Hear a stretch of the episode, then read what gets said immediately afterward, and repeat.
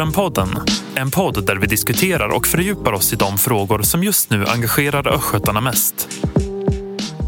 Vi har precis lämnat en på många sätt omtumlande påskhelg bakom oss som jag tror att många fortfarande försöker smälta på olika sätt. I början av avsnittet så hörde ni ljud från de våldsamma konfrontationerna mellan polis och demonstranter som ägde rum i Skäggetorp under torsdagen. Programleder dagens avsnitt är jag, Dennis Petersson och med mig i poddstudion har jag också mina kollegor Albin Wiman och Viktor Bomgren. Albin, kan du berätta vad det är som har hänt i Linköping och flera andra svenska städer under den gångna helgen? Jo, absolut. Eh, man kan väl säga att det började i torsdags eller kanske snarare i onsdags förra veckan när eh, polisen meddelade att man hade gett eh, tillstånd till den högerextrema partiledaren Rasmus eh, Paludan som är partiledare för eh, partiet Stram kurs att Eh, demonstrera på i ett antal städer i Linköping. Eh, under de här demonstrationerna så eh, hade han sagt att han bland annat skulle bränna koraner och eh, visa bilder på profeten Muhammed. Eh, detta eh, togs inte emot väl och i torsdags eh, när han planerade att hålla demonstrationer i Jönköping, Linköping och Norrköping så blev det våldsamma protester både i Linköping och i Norrköping. Under helgen så fortsatte de här eh, våldsamma protesterna när han eh, bland annat var i Örebro och Rinkeby. Ehm, och i söndags så meddelade han att han skulle återvända till Linköping och Norrköping var på nya eh, kraftfulla demonstrationer demonstrationer och upplopp eh, uppstod eh, i de här städerna, framförallt då i, i Norrköping i, i söndags. Och det har varit minst sagt extrema scener som har utspelat sig på de här platserna de senaste dagarna. Vi kommer väl prata mer om detta. Mm. Precis, precis. Och vi tre var ju på plats i Skäggetorp i torsdags när de ja, kaosartade scenerna utspelade sig och där, där det började i Linköping på något sätt. Eh, stenar kastades på bil, polisbilar sattes i brand och eh, så vidare. Eh, Viktor, kan du berätta lite vad du och vi upplevde där? Ja, man kan väl säga att redan när vi eh, kom ner längs med bergsvägen in mot Skäggetorp så kände man ju att någonting låg i luften. Eh, vi såg ganska direkt att det var en stor samling av polisbilar som hade samlats där och eh, polisbilar som körde om oss på vägen dit. Att det låg någonting i luften helt enkelt. Och eh, väl på plats så såg man att det hade samlats ganska mycket människor där vid eh, infarten till Skäggetorp centrum. Och eh, vi såg även att det var fyra, fem bilar som hade ställts för att blockera ingången till, eh, till centrumet. Och eh, ja, mycket folk som sagt. Eh, hundratals personer, vad säger ni? Ja, men jag skulle nog också säga, eller det var absolut hundratals personer det, det rörde sig om. Och ganska mycket poliser då i ja, skyddsvästar såklart, men också sådana här vita hjälmar. Och...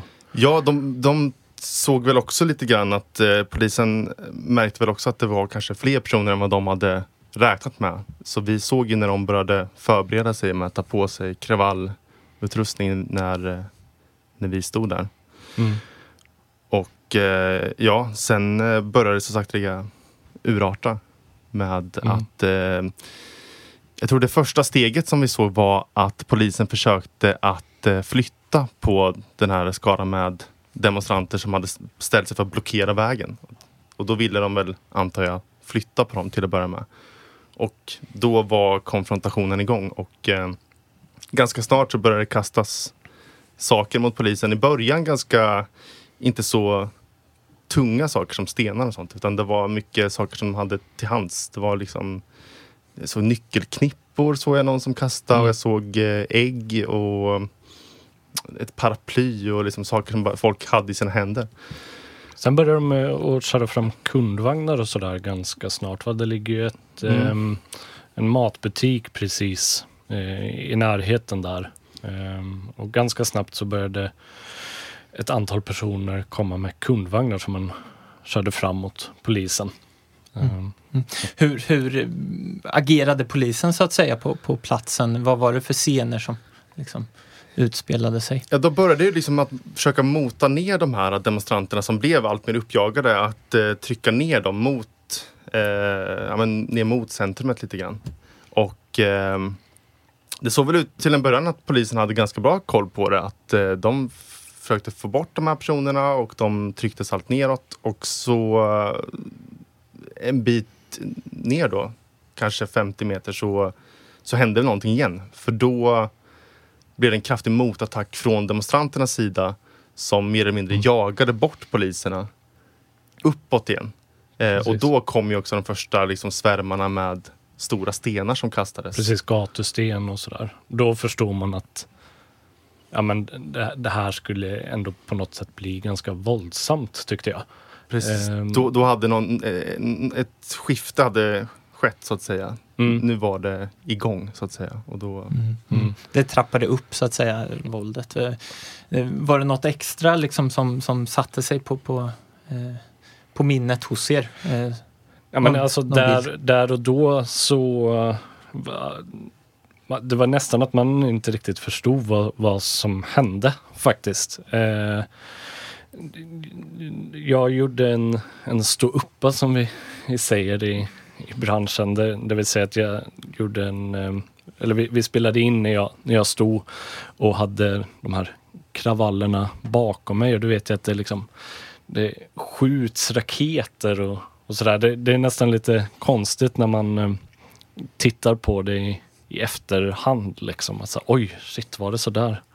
Sådär det var. Mm, mm. Mm. Ja, men det, det, där och då var det ju svårt att liksom ha koll på omgivningarna och jag upplevde att alltså, de här stora folkmassorna rörde sig ju väldigt snabbt. Liksom, när, när, när de tryckte tillbaka polisen så gick det väldigt fort och när mm. polisen tryckte tillbaka dem så gick det också väldigt fort och man fick liksom vara med. Mm. För att ja, det var ju ja, men sekunder, inte vara i vägen. Liksom. Ja. Mm. Ja, de förflyttar sig väldigt långt på, på väldigt få sekunder. Mm. Eh, du då Viktor, vad, vad satt sig extra hos dig? Det var ju en scen som utspelade sig ganska nära där vi stod där eh, ett 15-20-tal personer fullständigt gav sig på en piketbil från eh, polisen och eh, ja, slog verkligen sönder varenda ruta på den och eh, attackerade den. Och det var ju en, eh, en surrealistisk upplevelse får man väl säga. Ja. Eh, att se det. Eh, precis, den, den där första polispiketen som slog sönder, då, då var det ju någonting annat, liksom någonting man inte hade sett förut eh, på det sättet. Det var sån otrolig aggressivitet som, som låg i luften skulle jag vilja påstå. Mm, mm. Men, mm. men sen så, så försvann polisen ju från platsen.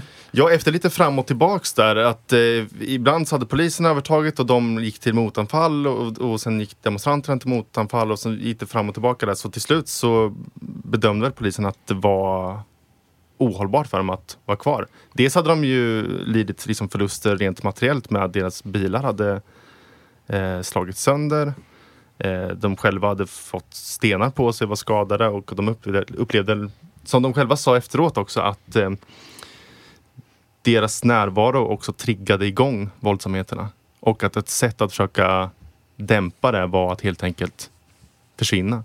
Mm, för det lugnade ju ner sig initialt, eller hur? Aldrig. Ja, precis. Det gjorde det. Um, alltså precis när, det gick väldigt snabbt när polisen lämnade. Det var helt plötsligt så såg man alla polisbilar bara åka därifrån.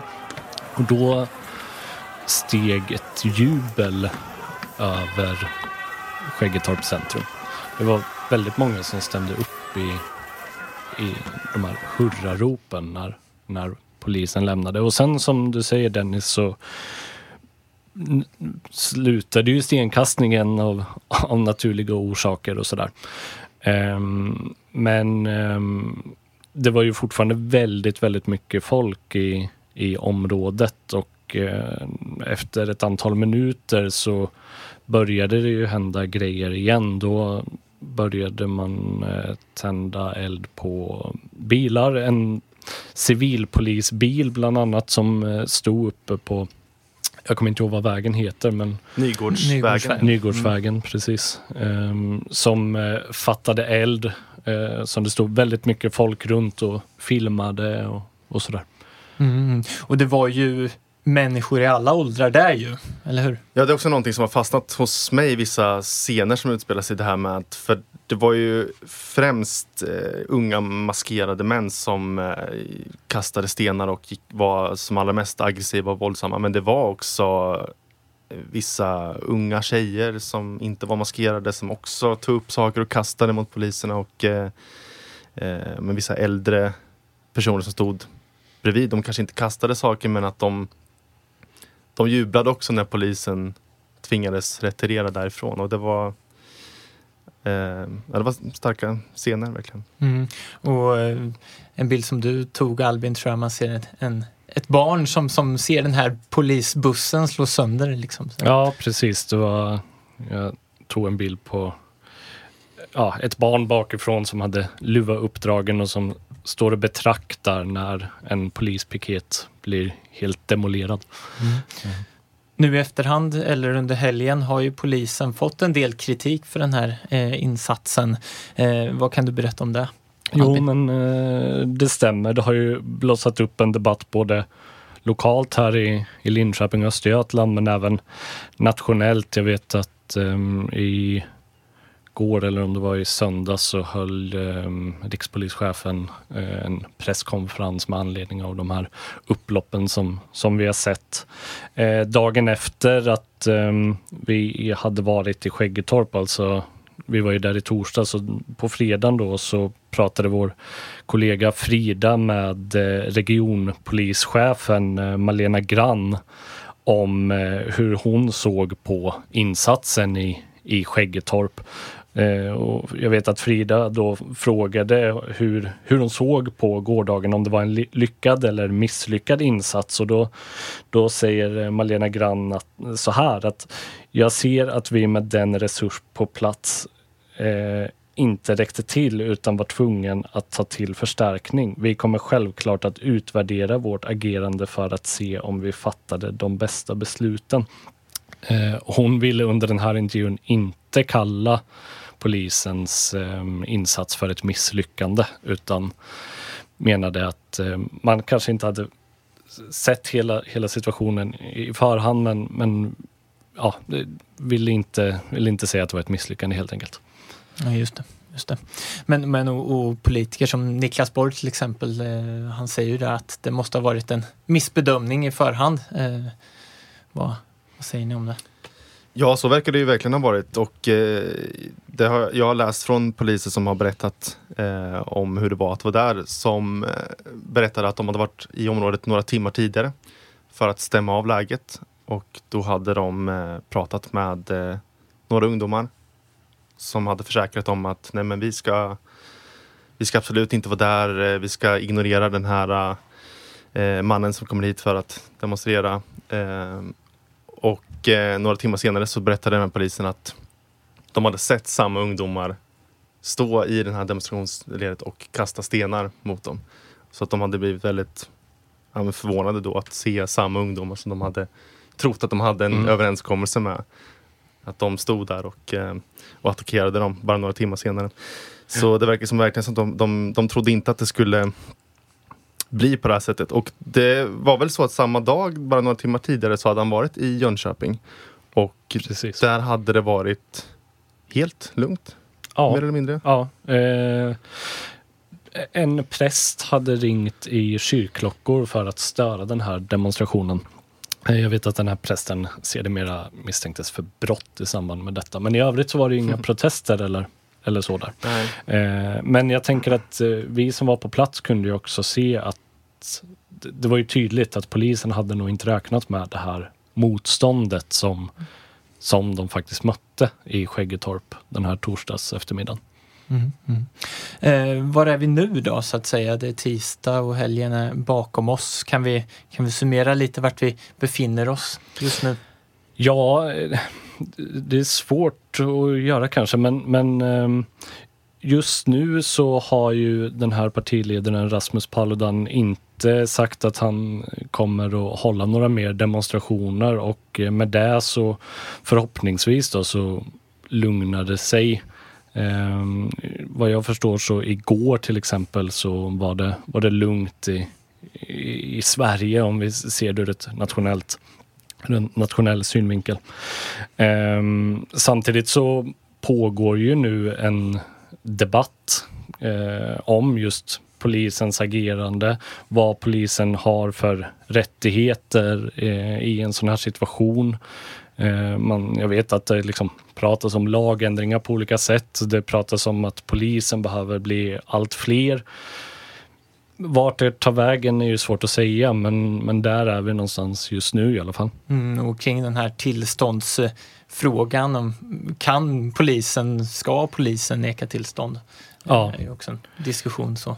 Precis, det är en jättestor fråga som har diskuterats eh, vilt under helgen huruvida man kan se en koranbränning som något annat än yttrandefrihet och, och kan det vara ett hatbrott och sådär. Men, men den yttrandefrihet vi har i Sverige den sträcker sig väldigt långt. Eh, och, ja, sådär. Mm, mm. Och, och, polisen har ju också ett arbete framför sig nu såklart. Eh, ja, nu återstår det ju att eh, laga relationer eh, med eh, Linköpingsborna och eh, kanske framförallt i Skäggetorp då, där det här utspelar sig. Eh, det är ett stort, stort blödande sår där just nu som behöver eh, plåstras om, mm. minst sagt. Vad, vad gör det här för Skäggetorp? Tror ni? Det, det, är ju, det är ju kanske svårt för oss att, att ha åsikter och så kring. Men nog kan man väl ändå konstatera att eh, det här var ett nederlag för polisen eh, som säkert har påverkat liksom ett långt arbete som de har haft i, i det här området. Eh, konstigt vore det väl annars. Ja, och det är fortfarande många frågor som kräver sitt svar efter påskhelgens oroligheter. Vi kommer givetvis att följa upp dem på alla tänkbara sätt och senaste nytt läser du på korren.se. Tack för att du har lyssnat här idag och på återseende. Hej då! Du har lyssnat på Korrenpodden. Ansvarig utgivare Maria Kustvik